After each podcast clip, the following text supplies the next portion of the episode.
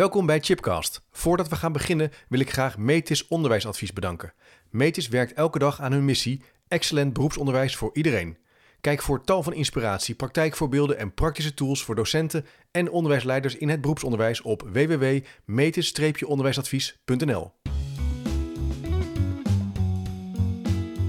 Welkom bij Chipcast. Leuk dat je luistert naar een nieuwe aflevering. Chipcast is een wekelijkse podcast over onderwijs. Alles over didactiek, pedagogiek, leren, samenwerken, innoveren, onderwijskundig leiderschap, onderzoek en soms ook filosofie.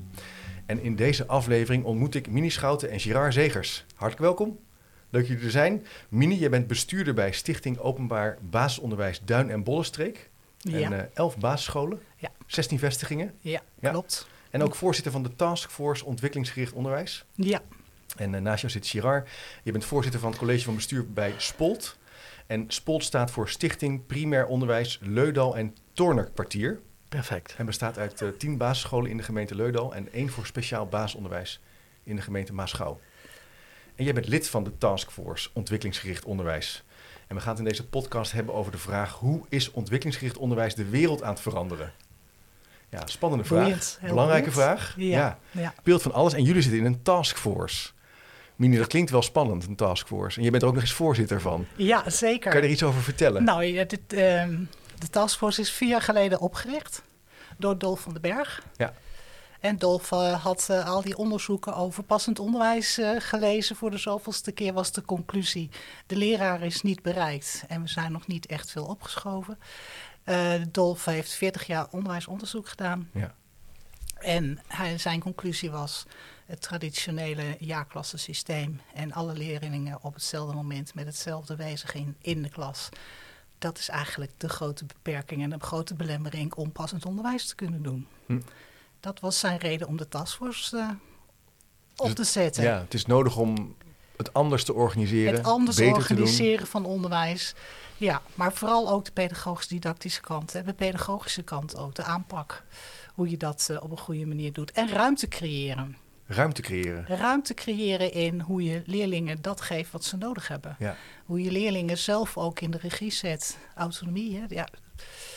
Luc Stevens zei het al. Relatie, competentie, autonomie. Dat is de sleutel tot succes. ja, dus er ontstond een soort inzicht van dat- dat, dat lukt ons onvoldoende om op drie, drie facetten eigenlijk het onderwijs te organiseren. Ja. En het systeem zit in zekere zin ook wel vast om dat passend onderwijs te Nou ja, realiseren. Zeker. Kijk, als je kijkt naar passend onderwijs, dan krijg je leerlingen. Het- dat- Het doel is natuurlijk dat alle kinderen in dezelfde groep onderwijs, een, een passend onderwijsaanbod krijgen. Ja, ja.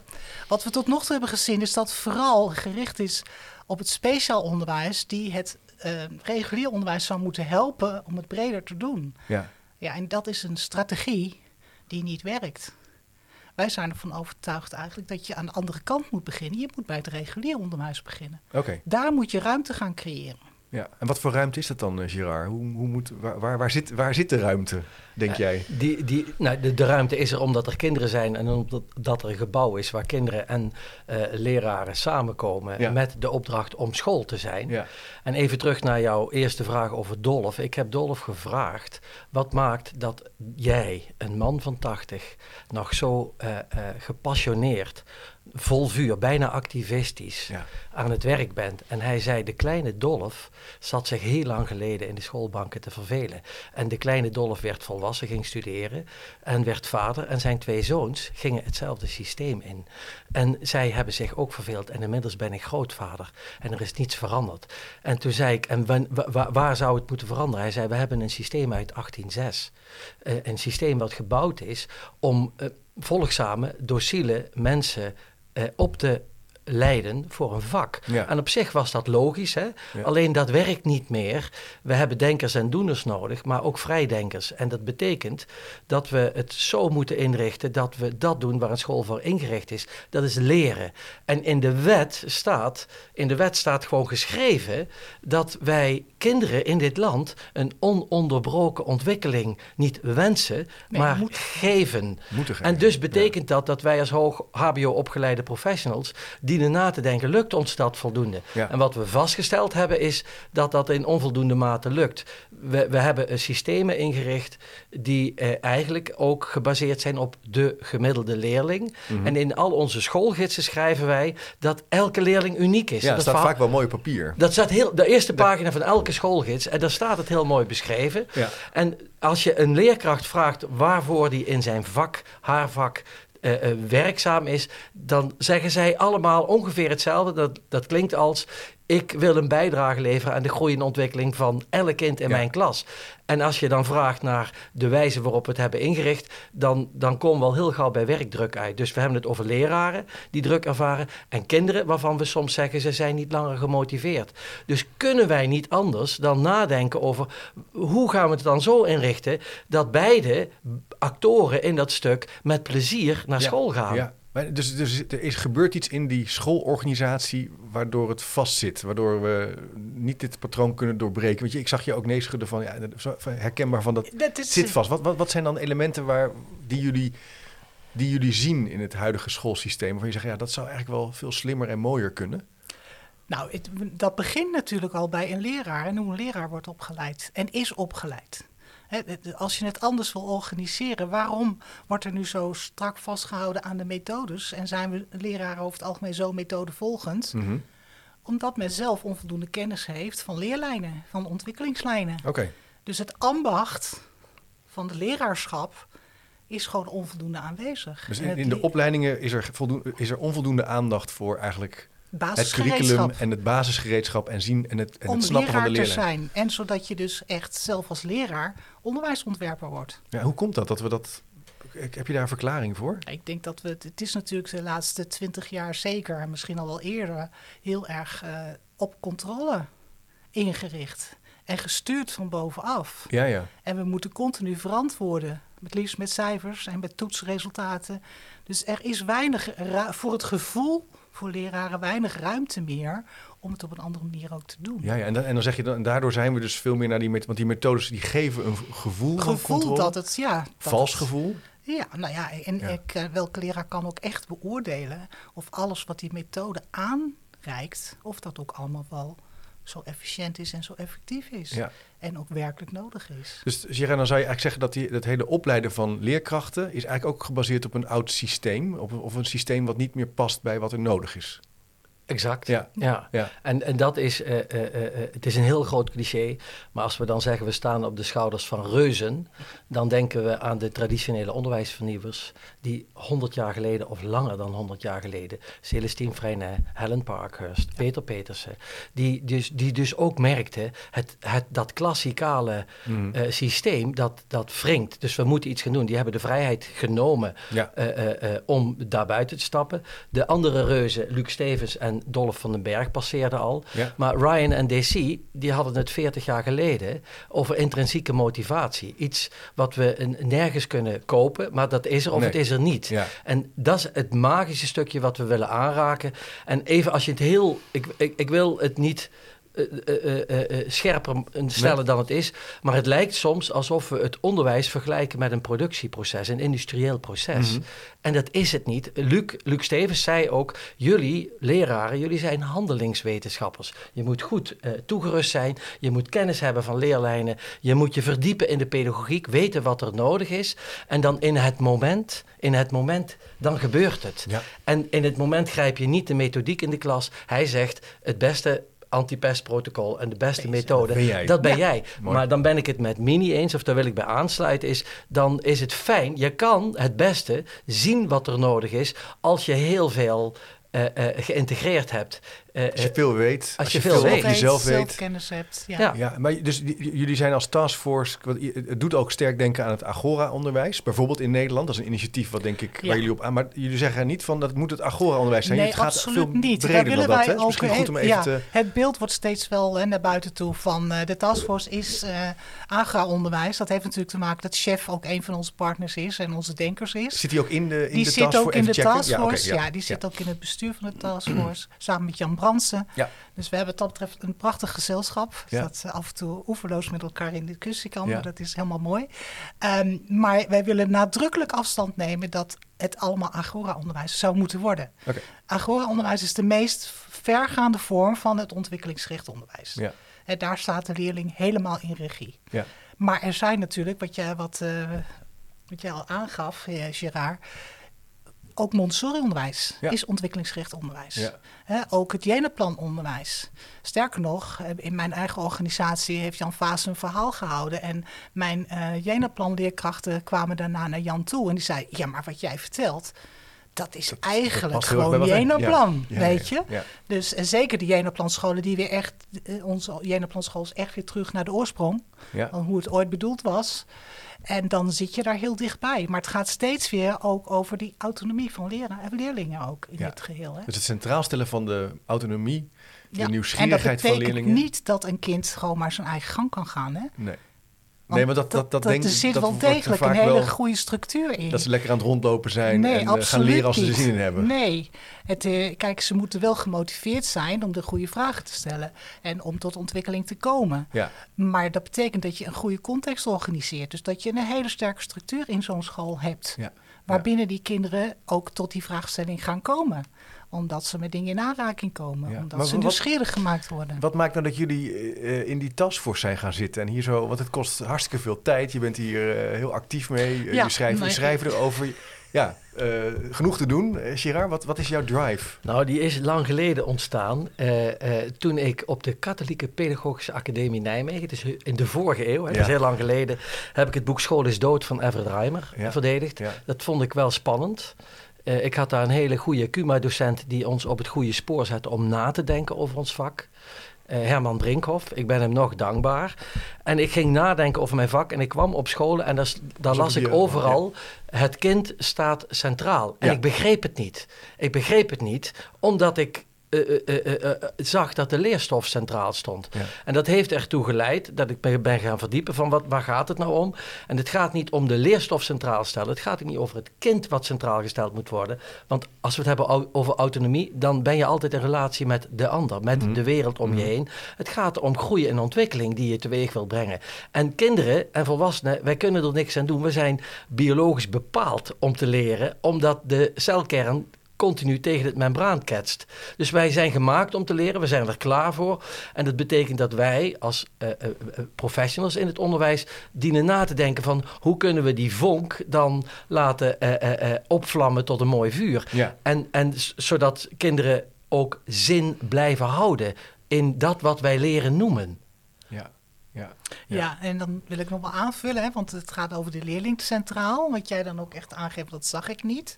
Maar dan denkt men ook heel vaak aan gepersonaliseerd leren. ja. Ieder zijn eigen route. Maar dat is het ook niet. Nee, je kan wel degelijk Want- in een stamgroep of in een, met een groep Ja, je moet leren samen doe je, zijn. leren doe je altijd in de interactie met de ander. Ja. En Ja. eigenlijk doe je leren ook altijd voor de ander. Maar, de- maar, maar het leerjaar-klassensysteem, dat is ook altijd moeilijk Ja, om snel uit te spreken. Vreselijk, alleen daarom al. Ja. Ja. Daarvan zeggen jullie, nou, daar moet je nee, daar moet je gewoon eigenlijk loslaten. Loslaten. Ja, absoluut. Helemaal loslaten. Ja, en hoe zou dat dan, Want dat is een, een soort structuur, een soort hokjes Ja. die we bedacht hebben. ja. Waar kinderen dan maar op een bepaalde leeftijd ja, dan ga je, in in zouden drie, moeten in passen. vier. Ja. Maar ieder kind ontwikkelt zich totaal anders. En dat, dat accepteren we allemaal bij een peuter. Die, die gaat op zijn eigen men- moment leren lopen, gaat op zijn eigen moment leren praten. Vinden ze allemaal heel gewoon. In die kleutergroep is er nog redelijk wat ruimte om het op je eigen manier te doen. En dan komen leerlingen in groep Ja. 3. En dan moeten ze 25 uur in de week aan een tafeltje zitten. En we beginnen allemaal bij het eerste woordje Ja. leren lezen. Maar er, er zit, er zit een. eh, eh, als het gaat bijvoorbeeld over spellen, eh, daarvan zou je kunnen zeggen, nou, in groep drie gaan we langzamerhand gaan we die letters herkennen en dan gaan we. ja, maar Da- kinderen, dat, dat is ook wel efficiënt om het in een groepje te doen, hè? Dat is natuurlijk. ja, maar niet zit- ieder kind is op dat moment al zo ver. Nee. Jij zegt van. Je zou moeten kijken, is, is dat kind? Maar zijn ook kinderen, ik weet nog dat ik ben van oorsprong een kleuterjuf. Ja, En in een van mijn eh, beginjaren had ik een kleuter die las op het niveau van AV8. ja, ja. Nou, dan ga je toch niet in groep 3 nog weer even met eh, het Nee. begin beginnen. Dat, daar moet je dus een ander antwoord voor hebben. ja je zegt En- laat dat los. Eh, Kijk, kijk naar wat, wa- waar de interesse en de nieuwsgierigheid Ligt hier Ja, als je even aanhaken op wat je net zei, Chip, over spellen. Spellen Ja. is een gereedschap. Spelling is een gereedschap. En waar het om gaat is verhalen over gedichten. Eh, ik denk dat dat heel belangrijk is. En wat we zo mooi de ontluikende geletterdheid noemen, is dat op enig moment ontstaat dat magische moment dat kinderen denken dat, dat die, die, die technische tekentjes, die eh, hebben betekenis. Ja. En dat is waar vroeger eh, met name eh, le- leraren in de onderbouw enorm goed voor opgeleid Ja, waren. ja. En buitengewoon deskundig in waren. Ja. Door dat te zien en dan die magie, zeg maar. Eh, eh, eh, te verspreiden. En dan is er, als je uiteindelijk dan in, als je denkt aan spelling, dan kom je op enig moment aan een cursorisch stukje, dat je een aantal Ja, regeltjes. Een vorm van instructie. Bijvoorbeeld. uitleg. Maar dan, dan Ja. heeft het al betekenis gekregen. En dan krijg je ook zin. Zoals een, een timmerman leert omgaan met een bijtel en met een zaag. En dat, daar wil je beter in worden. Maar dan is het niet instrumenteel van aard. Dan is het wel cursorisch, droog, zakelijk. Maar het dient een hoger doel. Dus jullie zeggen dan ook, ik zie dan voor me dat i- op, op de scholen die jullie voor je zien en waar het ook al gebeurt, dat er heel veel wordt gelezen, er is veel kennis. En je kijkt eigenlijk naar hoe die leerlingen zich daartoe verhouden, wat voor processen er gaan. En op dat moment ga je dan eigenlijk eh, bepaalde gereedschap aanreiken, om maar even zo te zeggen. Nou, en dan moet je ook wel zorgen dat het gereedschap er ook is op dat moment. Hè? ja, Want je moet Ja. wel het moment pakken. En Montessori doet dat bijvoorbeeld ook al heel Ja. sterk met haar materialen.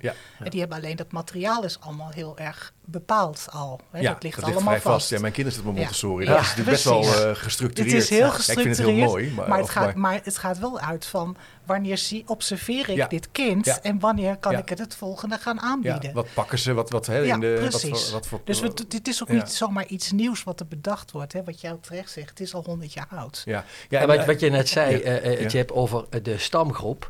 Dat is een, een, een jenenplan, Ja, dat is een eh, jenenplan, een eh, term zeker. natuurlijk. Hè? Maar het herbergt wel heel veel inhoud. Ja. Dat, eh, eh, eh, eh, het is geen chaos in die school. Nee. Het Nee. is heel fijn en behagelijk als ik ochtends als kind bij een leerkracht binnen kan komen die mij begroet, die mij ziet, Zeker, die mij die herkent. herkent. En, en, en vervolgens, maar dat ik door de loop van de dag, in de loop van de dag, dat er meer leraren en, eh, eh, Ja. in die school zijn, waarbij ik ook weet dat ik, eh, eh, dat ik met lezen naar, naar mini wandel, omdat ik daar door kan op mijn eh, eh, eh, eh, niveau. En dat ik bij rekenen bij jou naar binnen loop met mijn spullen. Ja. En daarna aan het einde van de dag weer terugkom in die stamgroep. Precies, je hoort ergens bij. Ik- ja, natuurlijk. Ik herken dat wel in het, in het beroepsonderwijs. Is, wordt er heel veel gesproken nu over flexibilisering en over gepersonaliseerd onderwijs. Bijvoorbeeld meerdere momenten van Ja. instroming en examinering. En als ik dan studenten spreek, die zijn heel erg bang. Die zeggen, ja, ik wil wel graag het gevoel hebben dat ik ergens bij hoor. Dat ik, Ja. ik wil niet alleen daar door die school lopen dolen eh, en of online een examen doen. Want ja, ik, ik studeer ook omdat ik mensen wil leren kennen. Dus dat is- moeten we niet Ook vergeten. daar zijn wij voor gemaakt. Daar We zijn we voor school wij zijn sociale wezens. Ja. En Ja. wij willen ons ook hechten. En in principe kom je dan ook prachtig terecht bij de drie doeldomeinen van BISTA. Kwalificatie, eh, socialisatie en persoonsvorming. En daarvoor, want als het helemaal individueel zou zijn, zou je net zo goed thuis aan een schermpje kunnen gaan Ja. zitten. Nou, daarom Maar nadrukkelijk dus niet die, dat stukje, dat stukje, Ja, ja, precies. Dat, dat is eh, in de wereld die behoorlijk eh, eh, eh, onrustig is, mag je wel zeggen. Ja. Is, kan een school, een groep, een leerkracht, een, een baken van rust zijn. die niet precies vertelt hoe de wereld eruit ziet. maar je wel in de hand neemt. en verhalen vertelt. en, en, en, en zorgt voor enige voorspelbaarheid. Dat is hartstikke fijn.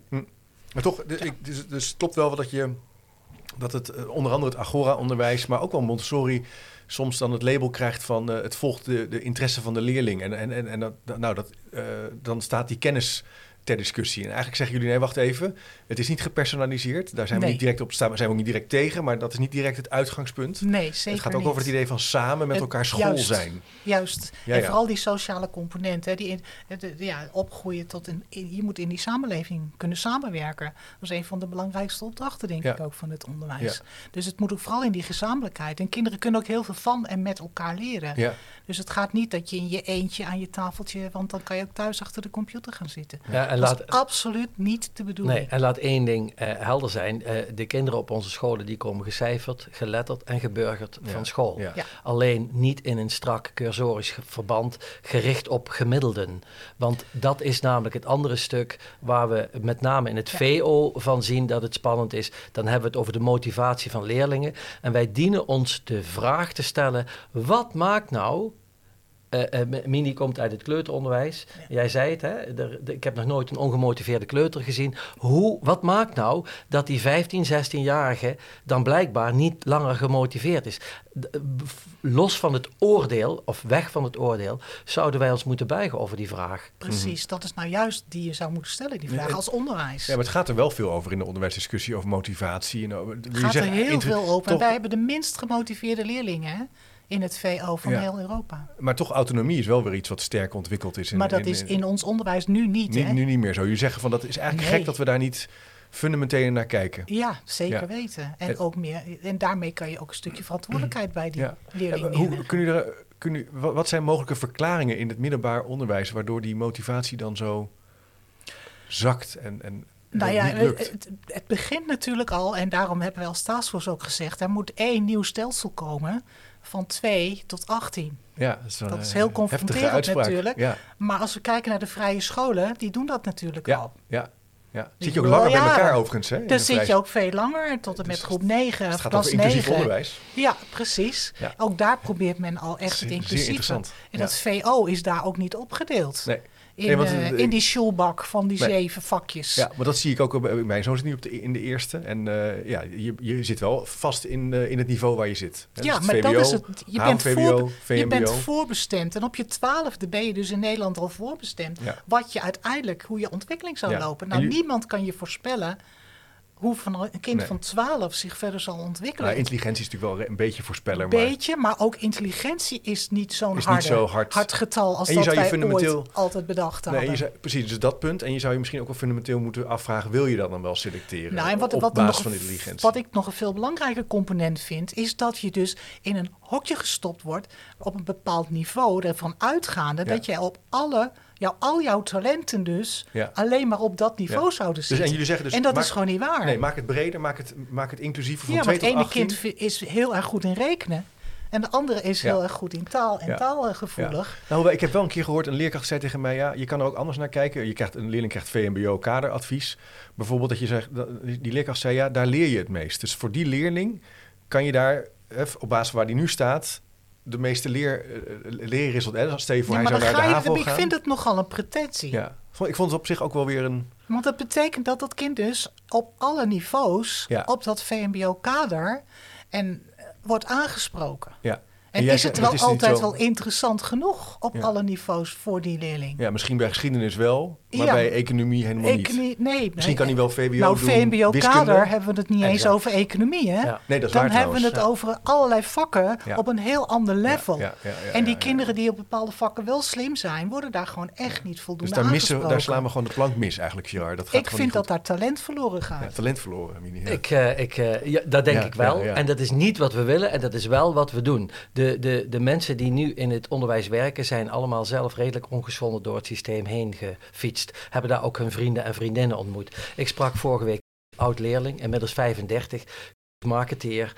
En uh, uh, hij wist nog van toen, en ik ook. En was, uh, behalve dat hij een heel begaafd, slim kind was, had hij ook te kampen met dyslexie. En, maar als ik in de klas iets vertelde over de decimale breuken, dan kon ik hem voor de klas zetten en hij kon het uitleggen. Bij vrije keuze, we hadden vrije keuze, en dan vroeg hij, mag ik een filosofiekring initiëren? En ik ben aangesloten en ik moest mijn best doen om aan te pikken op het niveau van En ik heb tegen zijn moeder gezegd, hij zat in groep 7, maar wat gaan wij doen met Want is nu 10 en moet nog vijf tot tien jaar in een systeem wat niet voor hem gemaakt is. Dat is heel talig. En ik wil dat hij heel blijft. Dat wil ik. Um, um, en en, en ik, uh, ik zei ook tegen hem van, goh, we, we moeten uh, uh, omzeilen. We kunnen geen pilletje nemen voor jouw dyslexie. Maar stel nou dat je straks de goede looks hebt, dat je, dat je het goede verhaal hebt. en hij zei, waar je verliefd op bent, die is heel erg van dezelfde dingen, maar is ook heel erg fanatiek op spellingen. En je schrijft, ik houd van jou, met vier fouten erin. Dan moet je het gaan zingen. Dat kan ook, hè. Maar, maar dan zou hij daar spaak lopen. Uh, hij heeft uh, het systeem ongeschonden doorlopen vanwege een hele sterke uh, moeder. En wij zijn samen gaan zoeken naar een school, niet van wil je hem hebben, maar wil je hem omarmen? Wil je met dit begaafde kind ja, door? Ja, ja, en dat, het is tragisch eigenlijk dat we dat moeten doen, want in principe is daarmee een uitzondering. En ik denk dat we eh, eh, ons best moeten doen om ons te verdiepen in al die kinderen. En dus kan dat betekenen zou uh, uh, uh, bij wijze van spreken voor de talige vakken misschien wel niet eens VMBO basis goed kunnen doorlopen, want dan wordt hij afgerekend op zijn prestaties, niet over wat hij kan. Ja. Um, en hij zou wiskundig, want het was een beta-jong, Misschien, nou, nou ik hem ook in een hokje. Ja. Had nee, gemakkelijk. Nee, met twee vingers in de neus had hij HAVO-VWO kunnen doen. Ja. Ja. Dus je zegt eigenlijk, uh, kijk niet meer naar die gemiddelde en laat leerlingen ook... Kijk naar wat ze kunnen en op basis daarvan organiseer je het leren en de vakken die ze willen volgen. Vakken, wiskunde misschien op, een, op uh, HAVO-niveau, Nederlands op VMBO-niveau, misschien wel wiskunde B, uh, on, onderdeel wiskunde op VWO-niveau. Ja. Ja, die, maar dit, misschien dat die hele termen ook wegvallen als, je, als het aan jullie zo ligt. Ja, zou zo mooi zijn. wel, ja. Die hebben, ja. Dat hebben we ook zeg, ooit eens bedacht hè, met elkaar. Ja. Sinds de Mammoetwet van 1968. Ja, is ook dus, uh, is ook al, dus doet ook het maar gewoon bedacht. Dus ja, en, en het idee van die Mammoetwet was eigenlijk al een, uh, een brugperiode. Ja. Ja. Met integrale scholengemeenschappen. Ja. Ja. En daar is niet zo heel veel van terecht. Hè. Een deel nee. is, gebeurt het wel. En gelukkig zie je nu weer meer de ontwikkeling dat er echt brede brugklassen zijn. Ja, ja. ik ga nog uh, volgend jaar een podcast over maken. Ja, ik vind in, ook dat de kinderen daar gewoon recht op hebben. Jij vindt dat kinderen daar... Waarom dan? Omdat we op 12-jarige leeftijd ben jij niet uitontwikkeld. Nee. Heb jij nog niet laten zien op alles. En sommige kinderen maken op een later moment een bepaalde sprong. Hè, want ook die dyslexie is geen statisch gegeven. Nee. Dat nee. ontwikkelt zich ook. Zeker. En ieder kind doet dat op zijn eigen manier. Ja. En ik, ik weet dat een, een neefje van mij, die heeft nooit iets kunnen schrijven bijna uh, op de basisschool. Maar hij is nu uh, manager in een distributiecentrum en hij correspondeert in het uh, Duits en in het Frans en in het Engels. Ja, zo zie je maar. Dus jullie zeggen, dus ja, het, even nog een andere gedachte. Je ziet ook wel eens gebeuren dat leerlingen juist als ze andere leerlingen ontmoeten van een bepaald niveau, zich ook wat meer thuis voelen. Dan zie je op de basisschool van ja, nou ja, dus dat ze ontdekken, oh, ik, jij vindt ja, Latijn ook leuk. Ik, nee, jij zit het nee. nee. Dat is, dat is, het beeld, dat, dat is, dat is nee, echt okay. het beeld. Dat, dat is, mij, dat is het aanname, dat is het beeld wat ja. wij hebben. Om en, ons en, eigen systeem goed te praten. Om ons eigen systeem goed te praten. Ja, ja dat, zit, daar zit hij. Dat geeft enige troost of zo. Maar als wij diep, eh, diep van binnen, ik, we moeten allemaal lachen nu, maar als wij diep van binnen kijken, weten we dat dat niet waar is. Dat dat niet waar is. Nee, dat is niet waar. Je, dus, dus, dus vandaar ook jullie pleidooi. Maar mag ik dan nog even vanuit een ander perspectief naar jullie uh, beweging kijken van ontwikkelingsgericht onderwijs. Uh, de, uh, het lerarenteam, de, het lerarentekort, de uitdagingen die er zijn. Hoe kijken jullie daarnaar? Dat is natuurlijk heel actueel nu in 2023, ook wel ja, eerder. Nou, dat is al tien jaar lang actueel. Je ziet, sommigen zien het al eerder. Ja, in de voorbereiding toen, hadden we het er ook al over. Ja, ja gek dat het nu pas... Maar goed. Ja. Hoe kan dit een nou, oplossing? Er is al een aantal keren zeg maar, geprobeerd om er iets aan te doen. Maar de manier ja. waarop we het aanpakken is niet echt effectief. Nee, we doen allerlei onderzoeken en daar staan dingen in ja. die we eigenlijk al lang weten. Die, we, die weten we allemaal al. Nou, wat nu ook weer blijkt is dat er toch een belangrijke factor is. Het team, de cultuur ja. op school, de cultuur in het... 100 procent, ja. En Maakt dat is uit. toch vooral iets wat de scholen zelf aan moeten pakken. Wat iedere leerkracht zichzelf ook moet aanrekenen en moet kijken hoe zit ik daar nou eigenlijk in. Ja. Hoe draag ik hoe, bij aan een positieve hoe draag cultuur? Ik precies aan een positieve cultuur. En wat heb ik gedaan om mijn collega toch mee te nemen? Ja.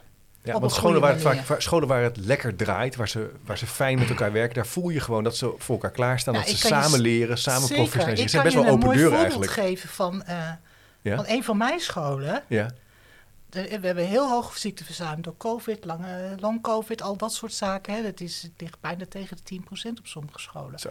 Maar er is één school waar nog geen 2% verzuim is. Daar heeft, die heeft ook nooit problemen met uh, nieuwe leraren aantrekken. Nee. Ze staan op de stoep. Dat is opmerkelijk. Hoe komt dat dan? En dat heeft te maken met de cultuur die binnen die school ja. Daar wil je is. gewoon gaan en werken. de uitstraling ja. die er is. Ja. Dus mensen willen daar gewoon werken. Ik herken dat ook zeker. Agora-scholen hebben Zelden. nauwelijks moeite om nee. Een nieuw personeel te vinden. Omdat de, je daar dus echt als professional de ruimte krijgt om dat te doen waar je goed in bent. En, en nee, een van onze directeuren vertelde het gisteren. Uh, die had een hele mooie presentatie over haar team. Waar leren- en ontwikkelgroepen, waar ze naar hun resultaten hebben gekeken. En waar ze met elkaar hebben gesproken van, goh, hoe zit het met ons aanbod? Hoe doen we dat dan? En wat willen we dus? Daar zijn leer- en ontwikkelgroepen ontstaan. En ik ga je het verhaal besparen, maar wat de directeur zei. De werkdruk, de ervaren werkdruk in mijn team is teruggelopen.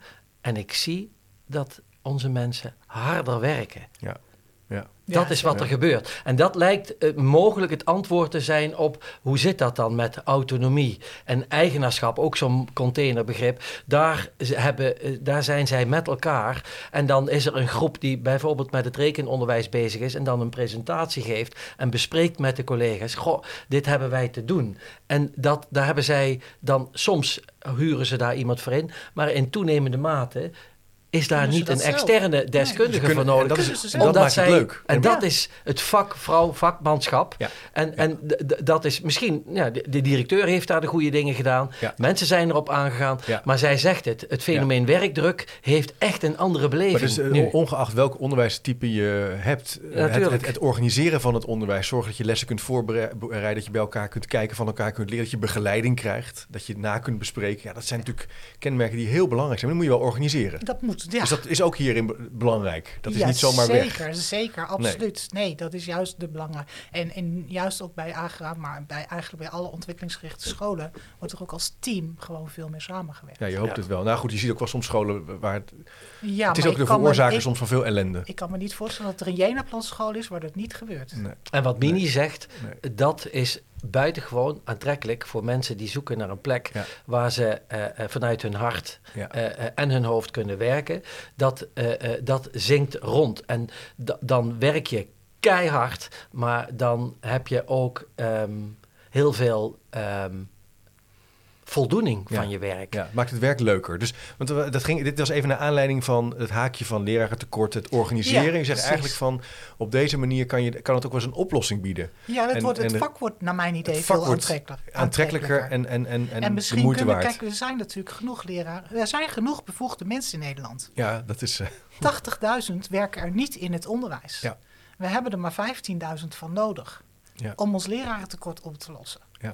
Dus dat is niet eens een heel groot, dat is, dat is 20 procent nou, je, eigenlijk zeg je, we hebben geen leraartekort. We hebben, we hebben een tekort aan mensen die bevoegd zijn, die voor de klas willen werken. Die voor de klas willen werken, die Gaan het staan, vak ja. nog interessant vinden, Ja. die het nog willen doen. En wat is er dan nodig om ze terug te krijgen? Ik weet dat in mijn vorige job was ik bestuurder van een, eh, van een vereniging met 30 schoolbesturen die op het gebied van personeel heel erg samenwerkten. En daar hadden we ook echt specifieke programma's gericht op mensen terug te halen naar Oh ja? het onderwijs. Wat, wat wat hoe deden jullie dat dan? Nou, mensen, dat, dat was. een- Marjorie was onze, eh, hoe noem je dat? Tovervee daarin of zo. Leuk. maar dat, spannend. zij was ook echt vrij geroosterd om dit gewoon aan te pakken. En Ja. mensen konden zich melden bij haar. En Ja. er was een programma waarom ze zich opnieuw konden gaan oriënteren. Ja. Eh, er was door de bestuur ook beloofd dat er ruimte wordt eh, gegeven om echt maatwerk te kunnen leveren. Dat iemand niet een standaard betrekking krijgt, maar dat je ook een dag of dagdelen of Ja, maar dat is eh, gewoon gaande. je hè. expertise. Professionals willen niet meer Juist, vijf dagen. Nee, maar wel Nee. heel belangrijk is dat die mensen wel een stuk begeleiding krijgen en een stuk scholing krijgen. Helemaal jonge mensen mensen die twintig Ja. jaar niet voor de klas gestaan hadden. Ja, die digiborden zoals nu standaard, dat was toen nog een krijtbord. Dus Ja. die gaat die mensen niet zomaar voor dat digibord zetten, bijvoorbeeld. Maar dat is maar heel. Maar zo moet je dus, daar moet je op investeren als bestuurders gezamenlijk. Ja. En als je dan kijkt naar, we hebben het over ontwikkelingsgericht onderwijs. We hebben vijf eh, eh, ervaren leerkrachten die eh, een dag per week zijn vrijgeroosterd om st- leerstudenten Ja. en starters eh, te begeleiden. Oh ja. En dat doen we vraaggestuurd. Dus dat betekent, wij nemen jou serieus. Jij bent het ambacht aan het leren en de- je probeert het in de vingers te krijgen. En wij willen heel graag dat je nadenkt, welke vragen, waar, waar loop je tegenaan? En daar wordt tijd voor eh, gemaakt. En dat is buitengewoon belangrijk, maar dat wordt ook eh, als buitengewoon, eh, eh, eh, eh, f- dat wordt dankbaar ontvangen.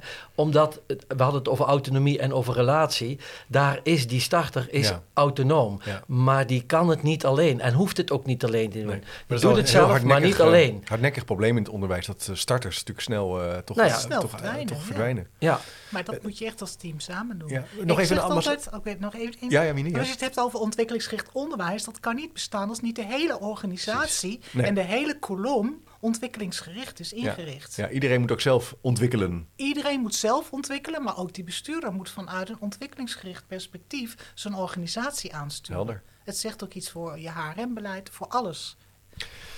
Als we nou eens kijken naar, ehm, eh, vanuit een ander haakje naar, naar het overdragen van kennis, culturele kennis. Hè? Dus eh, we hadden het al even over lezen, schrijven, wereldoriëntatie, burgerschap werd al even genoemd. Was ik wel benieuwd, ehm, de, de inspectie van het onderwijs, hoe, kijken die, hoe kijkt die, of hij of zij, of ja, hoe zou je het moeten zeggen, hoe, naar zo'n experiment als dit? Ehm, nou, we hebben een inspecteur binnen onze gelederen. Ja? Jos de Milde is Ah, ja, oud-inspecteur. precies, precies. En die, die heeft ook ze heeft heel goed gekeken. Hoe zit het nou met eh, ons formele toezichtskader? En als je ontwikkelingsgericht wil werken. Ja, en eigenlijk formeel gezien is er alle ruimte. Ja. Dankzij ons artikel 23 en de vrijheid van inrichting van ons onderwijs, die we gewoon hebben. Ja. Alleen onvoldoende benutten. Dus het kan gewoon, alhoewel je op sommige punten zou willen dat het toch wel wat aangepast wordt. Dus het, het, inspectie is geen probleem. Als we kijken naar Agra, een van de scholen die daar nu eh, al een tijdje bezig is, die heeft echt een, een goed gekregen van de inspectie. Ja. Inspectie is laaiend enthousiast. Maar er zijn ook vooral PO-scholen waar het nog wel ingewikkeld is. Dus die hebben nog wat te doen met elkaar. Oké. En, waar het en wat je hebt ja. is dat je eh, eh, eh, dient te legitimeren wat je doet. Ja. Want wij werken met geld van de belastingbetaler en de inspectie komt gewoon af en toe kijken wat je doet met dat geld. Ja. En dus heb je een verhaal te vertellen Ja. en, en resultaten te overleggen. Wij waren onlangs met een delegatie van het bestuur van de taskforce op OCMW, op het ministerie, Ja. bij de directie Passend Onderwijs en Gelijke Kansen. En jij noemde het woord experiment. Eh, Ja. eh, eh, ik vind dat altijd een spannend Ja, woord. dat is geen goed woord. Ik denk dat je dan naar het laboratorium moet en wij experimenteren niet met kinderen. Nee. Maar daar hebben we een project, ons projectplan eh, eh, eh, eh, uiteengezet. Ja. En daar zei eh, eh, ehm, de directie passend onderwijs van... Goh, dat projectplan ontwikkelingsgericht onderwijs... dat komt heel nauw overeen met onze werkagenda... routekaart inclusief onderwijs 2035. Zij waren erg nieuwsgierig. Dus dan gaat het niet over een experiment... maar waar we ruimte voor vragen is om in het land... op plekken waar de behoefte, eh, de zin, eh, de ambitie er is... om daar goed doordacht en goed begeleid...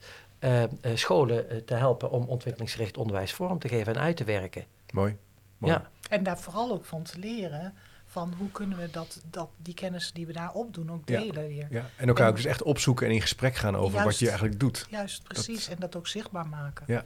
En hoe, hoe gaan jullie nou verder de aankomende jaren? Want het is. eh, wat, Nou, wat staat er op de agenda? Onze grote focus is dus hopen dat we dit, eh, ja, dit project eh, mogen gaan uitrollen. Ja, Nou, als dat echt lukt, dan zijn we daar heel druk mee. Want dat betekent natuurlijk dat je ook op alle niveaus, dus niet alleen de leraren moet aanspreken, maar ook de directies de besturen. Dus dat wordt nog een hele spannende, eh, hoe moet je het zeggen? stap of zo? Of een zoektocht? zoektocht met ja. elkaar. Ja. Een route, vooral een route, in routes denken.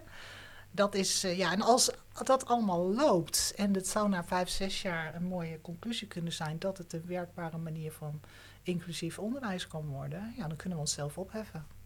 Dus de taskforce is, eh, is er uiteindelijk tijdelijk. Ja, dat, dat, de naam Taskforce zegt al Ja, dat het tijdelijk zou moeten zijn. Ja, ja. Maar ik besef ook wel dat er nog heel veel moet gebeuren. ja, Kijk, ook als we kijken naar ons projectplan. Kijk, wij gaan uit van een systeem wat van 2 tot 18 jaar is. ja. Nou, dat betekent ook dat er iets moet gebeuren. Dat er echt een. een dat, dat is natuurlijk landelijk ook al zo. De, een wet voor het funderend onderwijs zou moeten komen. Ja, ja. Waarin die Ja. knip er gewoon uitgaat. Hè? Ja, daarom er wordt nu op dit moment ook een experiment gedaan met het eh, stoppen van de toets, hè, de eindtoets. Mhm. Ja, als je naar ons, onze ideale toekomst kijkt, ja, dan heb je zo'n eindtoets gewoon helemaal niet nodig. Dus die, dat, die, dat stoppen is prima, want dat is een, een tussenstapje misschien. Geen toets meer voor, voor selectie. Nee, sowieso die selectie niet. Nee. Dus je moet naar een VO, wat dus echt inclusief is. Ja. En als we kijken naar, en daarin is AGRA natuurlijk, heeft al wel bewezen de laatste tien jaar, dat je dus voor alle leerlingen een, een verhaal hebt, een Ja. mogelijkheid hebt om weer verder te Nou ontwikkelen. hebben we natuurlijk eerder in de Mammoetwet volgens mij de gymnasia zich heel handig zo eh, buiten de wet geplaatst. Hoe kijken jullie naar, naar dat, soort, dat soort niveaus? Want het, het- wat ik eens voor me zie is een... De vraag stellen is het antwoord geven. Ja. De vraag stellen is Moeilijk, het antwoord moeilijk. geven. Nou ja, dat is exclusief van aard. Ja, En dat, dat botst met hoe ja. wij onze samenleving met elkaar willen Dat inrichten. Want wat Mini net zei, op het moment dat wij van de kinderopvang een basisvoorziening maken in dit land, dan kunnen wij in die verticale eh, eh, kolom met elkaar stappen zetten. Ons projectplan is eigenlijk nou, is een projectplan werkplan 2024-2030. En dan zou je kunnen zeggen, de taskforce is opgericht om zichzelf op te heffen. Dan zou je kunnen zeggen, vanaf 2030 tot 2040 zouden we makelaar, intermediair, eh, verbinder kunnen zijn. Maar dan gebeurt het op heel veel plekken. En, dan, en, en dat zien we bij, bij uh, de kinderopvang als basisvoorziening. Als wij in het veld laten zien dat het kan, gaat de politiek voor, volgen. Ja. Wij moeten niet, niet kijken wachten. naar de politiek, maar we moeten nee. het zelf gaan nou, doen. Dat, dat is, is ook een hoopvolle gedachte. Nou, als je het over autonomie hebt, dan heb je het ook over dit soort dingen. Dat je zegt, ga, wij, wij, kijken naar Den Haag, maar Den Haag kijkt ook naar ons. Laten we het maar gaan doen. Ja. Laten we maar gaan bouwen. En, maar die kinderopvang zijn natuurlijk ook wel hele grote tekorten hè, in, de, in de kinderopvang. Ja, dus dat is zeker, ook wel zeker. best een moeilijke... En dat heeft ook voor een deel te maken dat wij als onderwijs ook de personeel weghalen bij de kinderopvang. Ja. Want die mensen verdienen gewoon meer in het onderwijs. Dus Ja. die gaan als onderwijsassistent Ja. aan de aan de En je ziet ook een terugloop in het mbo, eh, aanloop hè, naar, van studenten, toch wel demografisch, maar ook wel gewoon überhaupt. Hè. Mensen, steeds meer hoogopgeleide mensen maakt ook dat het mbo wat, eh wat terugloopt, bepaalde opleidingen. Dus Ja. dat zijn wel, zijn wel, dat zijn wel, dus zo heb je eigenlijk tal van taaie heel kwesties. veel- oh ja, en, en wij denken dus ook in die kinderopvang bijvoorbeeld dat dat mbo'ers zouden moeten zijn. Ja. Eh, Ik, Ja. ik ben zelf altijd in Finland. Mijn zoon woont in Finland. Mijn kleinkinderen Oh hebben daar Ja. in het hele systeem eh, zo'n beetje doorlopen. Als Oh ze zitten daar nu 14, 15. Ehm, daar is dus ook in de kinderopvang zijn dat gewoon universitair geschoolde Ja, lijsters. klopt. Maar werkt, en, en iedereen werkt bijna fulltime. En iedereen werkt daar bijna Dat is wel- fulltime. ja, Ja, maar ehm, toch wel op een relaxed en ontspannende manier. absoluut. En kinderen gaan ook minder uren naar school. Hè? Ja. Kinderen hebben maar 750 uur les Ja. in het jaar. En het mbo-onderwijs is daar ook echt wel heel interessant. Want dat is dus Ja, helemaal gericht op, zeker. eh, eh, daar gepersonaliseerd, op een hele praktische, toegepaste eh, Ja, maar dat is ook een keuze die dan als ze Ja. 15, 16 zijn, krijgen ze voor het eerst een toets. Ja, Eh, Ik was daar met een groep directeuren en interne begeleiders. En die vroegen allemaal naar het, het leerlingvolsysteem. ja. En die vroegen naar de dat herken ik leerlingdossiers. wel. Dat doe En die niet. leraren zaten te kijken, waar hebben Ja. ze het over? Het wil ook niet betekenen, ze toetsen wel. Hè? Je monitort het, de Ja, maar de leraar- maar je krijgt geen De ja, leraar summatieve... eh, Ja. beoordeelt of een kind zover is om Ja. de volgende stappen. Dus Ja. een formatieve Ja. manier van Ja. een toetsing. Maar, die Maar hoogwaardig eh, pro- eh, professioneel, eh, professionele standaard. En hè? de associatie met toetsen, we hebben die nu ge, ge, ge- Ja. ge- eh, zeg maar geïnstrumentaliseerd tot een moment en tot een, een, een, een gemiddelde eh, eh, eh, eh, range. ja. Wij toetsen de hele dag. Ja. Eh, als ik hier naartoe rijd, toets ik ook of ik voldoende brandstof Ja, heb om hier naartoe te komen. Ja. Eh, we, ik, we hebben het nu over het talige stuk, daar moeten we niet in verdwalen. Maar ik denk dat we in ons eh, onderwijs het jargon, het vocabulaire moeten gaan aanpassen. En dan hebben we het over termen als hoog en laag, sterk en zwak. Ja. Want eh, onze kinderen weten heel goed, dat is niet wat we wensen, Nee. maar het is wel wat we zeggen. En de taal verraadt heel Ja, veel. We zullen heel zorgvuldig ook met Ja. onze taal moeten Ik vind het omgaan. een heel interessant thema, Gerard, wat je noemt. Eh, Zowel eh, hoog, laag en, en, en woorden, hoogbegaafdheid, eh, topklas. praktisch, hè, met je handen werken. Maar ik vind ook onderwijstaal. Dat we, we praten ook met kinderen heel erg in onderwijstaal. eh, valt me op de laatste jaren. Hè. Bijvoorbeeld de leerkuil. Zo Van die dingen waar kinderen dan over moeten... Zij moeten dan praten over hun zichzelf. eigen. Over Ja. hun eigen leerproces. Ja. Dan denk ik, ja, dan ben je vijf of ben je zeven. Ja. Is dat nou nodig? Ja. Dat kan, wel een, dat kan wel een tikkeltje minder. Maar goed, het gaat niet over mij, maar... Nou, dat is Ja, een mooie ja. aanmoediging. Eh, dat Ja, betekent namelijk ook die geëmancipeerde opstelling van de leraar naar het kind, Ja. naar de ouder, in Ja. die driehoek. Ja. Dat je daar weer voeling krijgt met hoe voer je dat gesprek. En dan gaat het over dat ene kind, Ja. eh, die, wat gemaakt is om te leren, wat een ontwikkeling doormaakt. En dat je dus met elkaar schetst hoe die ontwikkeling eruit ziet. En dat dat kind vooruit wil en dat jij bereid bent om daar een bijdrage aan te leveren. Dat is het. Prachtig.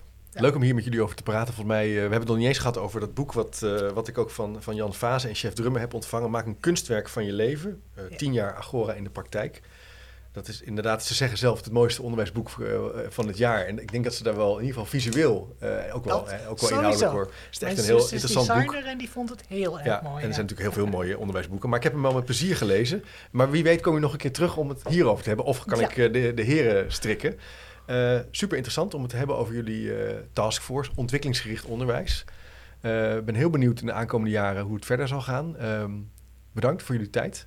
Uh, Graag gedaan. Ja, beste luisteraar, als je nou denkt, hey, hier wil ik meer over weten. Ik wil wel even weten hoe die taskforce eruit ziet. Kijk even in de speaker notes, zal ik ook even wat linkjes plaatsen. Ja. Zodat je ook kan informeren. En de boeken die we ook, sommige, we hebben niet alle boeken besproken die voorbij zijn gekomen, zal ik ook even plaatsen. En uh, ik vind het altijd leuk als je een review wil schrijven over het gesprek. Hoe eerlijker, hoe beter. Dat helpt voor de zichtbaarheid van het kanaal. En ik zou zeggen, tot de volgende keer. Dankjewel, Gerard. Dankjewel. Ja.